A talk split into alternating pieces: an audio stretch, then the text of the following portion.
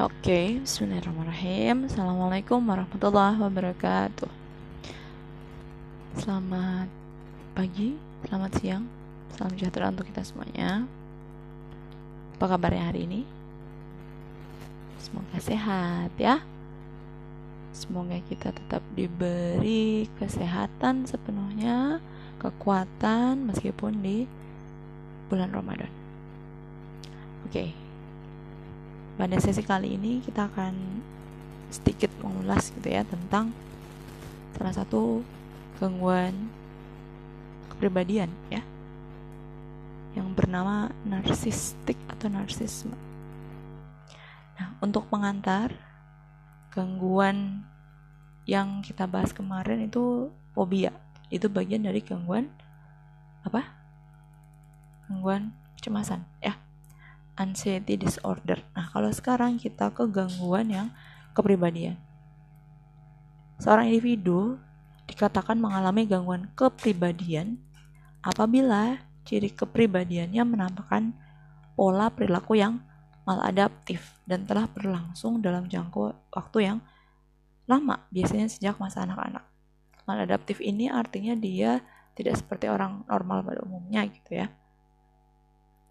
makanya masuk ke ranah yang disebut abnormal, psikologi abnormal. Tapi kita memang tidak mengkhususkan pembahasannya abnormal di sini, gitu ya. Nah, gangguan kepribadian ini menampakkan pola perilaku maladaptif tadi. Pola ini biasanya muncul pada setiap situasi serta mengganggu fungsi kehidupan sehari-hari. Misalnya dalam interaksi sosial ya atau relasi sosial termasuk dalam pekerjaan mereka seperti itu. Nah, setidaknya pola-pola gangguan yang muncul ini ada minimal di dua aspek, nah itu kognisi, emosi, relasi maupun pengendalian dirinya, pengendalian dorongan-dorongan itu. Pola ini tidak terjadi semata-mata saat mengalami gangguan mental lain aja, bukan karena juga efek ketergantungan zat atau kondisi medis yang umum gitu. Misalnya orang itu pakai obat tertentu terus dia jadi e, emosinya meluap-luap gitu. Ya bukan itu yang dimaksud, tapi pola maladaptifnya itu memang cenderung stabil, selalu muncul kayak gitu di setiap situasi ya atau di kehidupan sehari-harinya ya tadi biasanya ya sejak anak-anak sudah mulai terlihat atau remaja gitu ya atau ya di di dewasa dewasa awal gitu ya, ya di usia kalian inilah. Gitu. Nah di DSM DSM itu kalau kita bilang kayak kitab ya kan.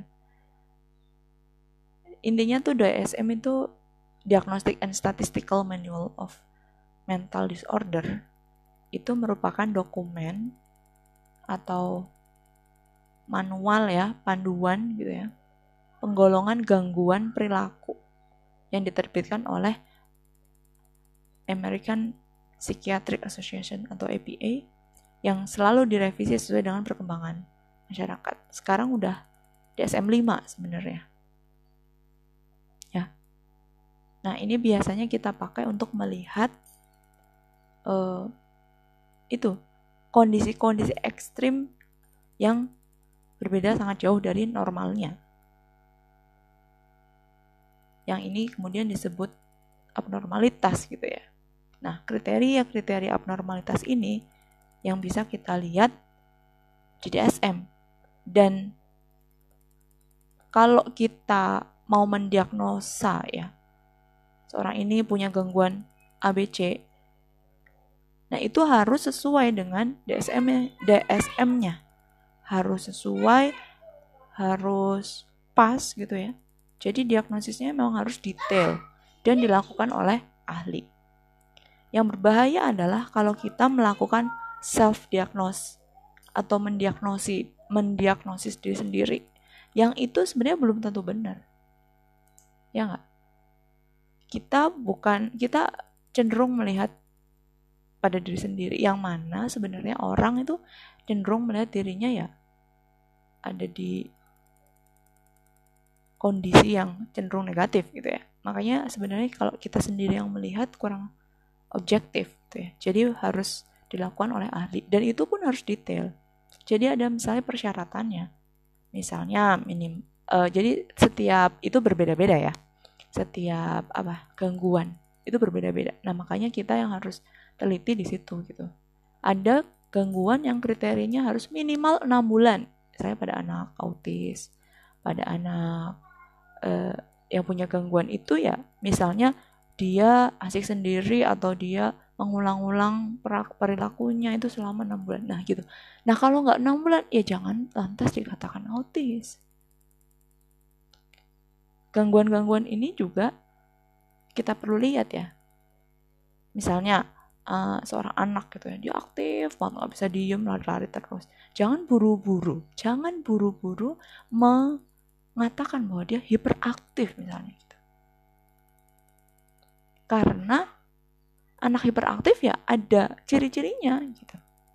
Kalau ciri-ciri itu terma uh, semuanya ciri-ciri yang ada di DSM ya sesuai dengan si anak atau ciri-ciri si anak itu sesuai dengan yang ciri-ciri DSM keluarkan, semua perilakunya anak itu menunjukkan simptom atau ciri-ciri hiperaktif baru kita katakan dia anak yang hiperaktif. Misalnya mestinya ada 15 simptom atau 15 ciri yang ada di DSM sehingga dikatakan anak itu hiperaktif misalnya ya. Eh ternyata anak ini tuh hanya memenuhi 5, 7 atau 10 perilaku dari 15 simptom yang ada di DSM. Berarti kan tidak semuanya cocok, ya nggak? Nah, kalau belum cocok ya jangan dikatakan kemudian hiperaktif. Karena ya harus semuanya itu harus cocok. Ya DSM itu kan hasil dari riset-riset gitu ya. Pengembangan-pengembangan yang dilakukan oleh para ahli gitu ya. Dengan melihat kondisi masyarakat dengan melihat penelitian. Nah itu intinya seperti kamus gitu. Yang kita harus pahami betul-betul. Dan jangan lagi-lagi jangan buru-buru mengklaim gitu. Mendiagnosis ABCD padahal kita belum tentu ahli di situ belum tentu paham betul tentang kondisi anaknya. Seperti itu. Yang tadi yang bahaya kembali lagi self diagnose mendiagnosis diri sendiri. Itu yang bahaya. Sehingga ya orang kan berpikir uh, gimana ya, berperilaku sebagaimana apa yang dia pikirkan punya perasaan sebagaimana yang dia pikir. Nah, kalau dia mendiagnosis dirinya itu keliru gitu ya. Pikirannya sudah mulai terganggu ya. Aduh, aku kayaknya paranoid nih gitu. Aku suka takut. Padahal dia memang takut, takut biasa aja. Emang karena dia orangnya e, punya ketakutan yang agak lebih banyak gitu ya daripada orang pada umumnya. Tapi belum tentu dia paranoid. Nah, terus suatu ketika dia melihat dan mendefin dan mendiagnosis dirinya seorang paranoid. Nah, dia berpikir dia paranoid, orang paranoid, sehingga perilakunya, emosinya menjadi malah berubah karena dia sudah mendiagnosis diri sendiri. Itu yang berbahaya. Kalau diagnosisnya bagus nggak apa-apa ya, saya orang sehat misalnya. Tapi kalau diagnosisnya negatif, ya yang terjadi justru sangat mungkin sebaliknya seperti itu. Jadi hati-hati. Jadi harus ada eh, tahapan-tahapan yang harus diikuti dalam mendiagnosis termasuk dalam menyelesaikan masalah-masalah. Bisa misalnya analisis datanya, terus nanti treat, uh, apa namanya? ciri-ciri yang lainnya yang terlihat, observasinya, wawancaranya seperti apa gitu ya. Nah, itu. Kemudian yang kita bahas kali ini tentang narsistik. Ini termasuk dalam personality disorder atau gangguan kepribadian. Kalau di DSM ini masuk dalam kelompok B. Ini saya pakai acuan yang DSM 4 ya, masih pakai DSM 4. Ini uh, di internet ada. Insya Allah ada banyak, uh, maksudnya DSM bisa kita akses gitu ya. Silahkan dicari. DSM terbaru tuh DSM 5. Nah, kalau dari DSM 4, gangguan kepribadian narsistik itu masuk di kelompok dramatik. Bersamaan dengan histrionik, antisosial gitu. Sementara kalau besok yang kita bahas itu salah satunya adalah obsesif kompulsif itu masuk ke kepribadian yang kelompok C atau anxious atau fearful gitu ya. Bersamaan dengan gangguan kepribadian menghindar gangguan kepribadian dependent seperti itu oke kita bahas sedikit narsistik ya gangguan kepribadian narsistik prinsipnya adalah dia punya keyakinan yang berlebihan terhadap diri sendiri. Dia menganggap dirinya unik dan spesial seperti itu. Dia cenderung terpusat pada diri sendiri. Dia tuh diasyikkan gitu ya, dibuai gitu oleh fantasi keberhasilan yang hebat dan sangat menuntut pengarahan dan perhatian dari orang lain. Self-center gitu ya, kalau kita bilang. Dia terlalu banyak melihat dirinya, apa-apa aku, apa-apa aku, apa-apa aku gitu. Aku ini loh, aku itu, aku bisa ini, aku bisa itu, aku terus yang diomongin. Dan memang dia butuh perhatian yang khusus gitu. Orang itu kurang bisa berempati dan sering kali ambisius mencapai mimpinya yang dipikirin hanya dirinya gitu.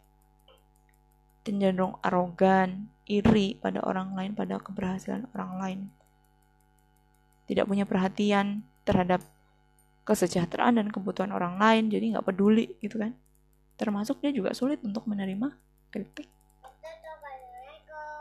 salam nah eh, karena dia kurang empati jadi hubungan interpersonalnya juga terganggu gitu ya. Dia sering kali hanya ingin mengambil keuntungan dari orang lain dan merasa tidak berarti gitu ya. Dia ingin orang lain melakukan yang terbaik tanpa keinginan untuk membalas kebaikan orang lain itu. Jadi pengennya ya orang lain memperhatikan dia, melakukan yang terbaik untuk dirinya. Tapi dia sendiri tidak punya keinginan untuk membalas kebaikan orang lain. Oke.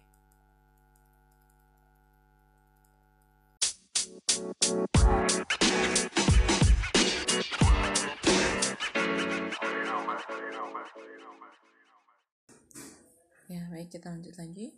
Jadi sekali lagi orang yang narsis yang kita katakan narsis sering selfie itu belum tentu punya kepribadian gangguan kepribadian narsistik. Ya bisa saja mereka hanya ya memiliki uh, kepercayaan diri yang tinggi seperti itu kan bisa uh, bisa saja ya. Karena gangguan kepribadian narsistik sekali lagi ini adalah kondisi mental di mana orang itu punya perasaan yang meningkat akan kepentingan dirinya. Kebutuhan yang Eh, bener-bener besar gitu ya untuk diperhatikan mendapat perhatian dari orang lain. Terus ada kekaguman yang berlebihan pada dirinya sendiri sehingga menghasilkan hubungan atau relasi sosial yang bermasalah. Dia juga kurang empati terhadap orang lain. Tapi ya meskipun dia terlihat sangat percaya diri seperti itu yang mengagungkan dirinya kagum pada dirinya di balik itu semua itu sebenarnya kepercayaan ya, di balik kepercayaan dirinya yang besar ya yang ekstrim itu itu sebenarnya ada harga diri yang rapuh gitu atau yang rentan terhadap kritik. Makanya orang-orang ini biasanya anti kritik atau uh, apa ya kalau kita bilang tuh sulit gitu loh kalau untuk mendapat kritik gitu. Dia rapuh karena uh, rentan harga dirinya tuh rapuh rentan terhadap kritik-kritik yang diberikan kepada dia gangguan kepribadian narsistik ini menyebabkan masalah baik di kehidupan sehari-hari ya. Tadi hubungan dengan orang lain pekerjaan sekolah bahkan di urusan keuangan gitu. Secara umum mereka ya menjadi tidak bahagia juga ya dan kecewa ketika diberitahu uh, atau di, di ketika mereka tidak diberi bantuan atau ketika mereka tidak dikagumi gitu ya yang mereka yakin bahwa mereka itu sebenarnya harusnya orang tuh kagum loh dengan hasil kerjaku atau dengan prestasiku seperti itu.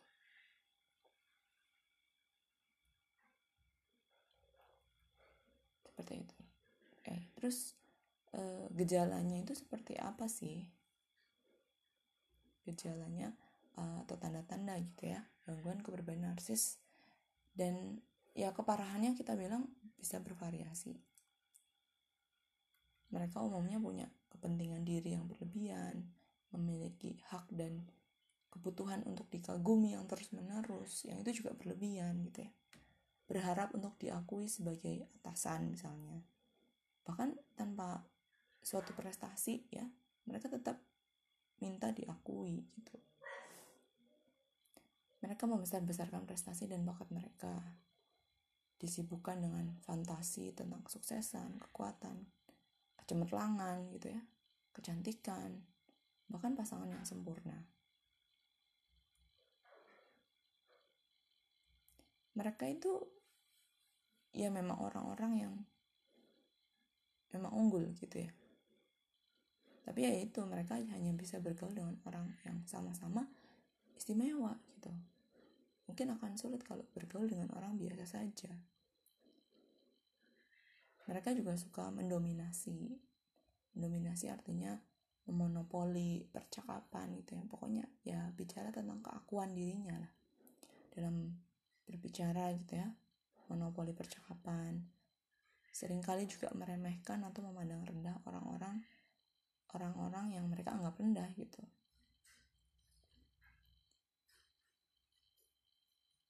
Mereka memanfaatkan orang lain untuk mendapatkan apa yang mereka inginkan. Kurang mampu atau enggan gitu ya untuk mengenali kebutuhan dan perasaan orang lain. Mereka juga menjadi iri pada orang lain dan percaya orang lain tuh iri sama mereka. Mereka berperilaku sombong, angkuh, tampil juga angkuh, sok gitu ya, bersikeras punya punya hal yang terbaik di dalam dirinya gitu. Mobil terbaik, kantor terbaik, prestasi terbaik, rumah terbaik gitu. Mereka bersikeras untuk memiliki yang terbaik dari semuanya. Nah, pada saat orang dengan gangguan kepribadian ini punya ciri-ciri atau gejala seperti itu gitu ya. Ketika orang lain punya ya udah biasa-biasa aja, bersikap biasa aja. Kesulitannya juga tidak terlalu kesulitan ya kalau harus bergaul dengan orang lain dan seperti apa gitu. Tapi untuk orang-orang dengan gangguan narsistik, gangguan kepribadian narsistik ini punya kesulitan dalam menghadapi apa pun yang mereka anggap sebagai kritik. Ya. Kalau orang dikritik mungkin biasa aja.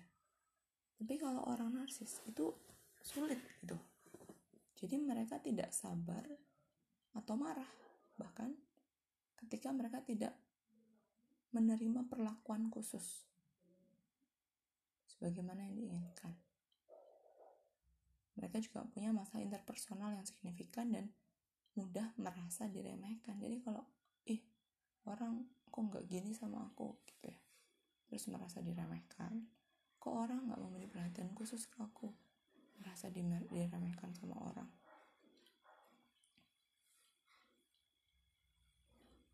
Nah, sering kali juga mereka akhirnya bereaksi gitu ya dengan cara marah. Kalau dikritik gitu. Dan mencoba untuk meremehkan orang lain juga. Untuk membuat mereka itu ter, terlihat lebih unggul seperti itu punya kesulitan mengatur emosi dan perilaku punya masalah besar ya yang berhubungan dengan stres dan beradaptasi dengan perubahan mereka juga sering merasa tertekan dan murung karena uh, mereka menghadapi kegagalan atau ketidaksempurnaan.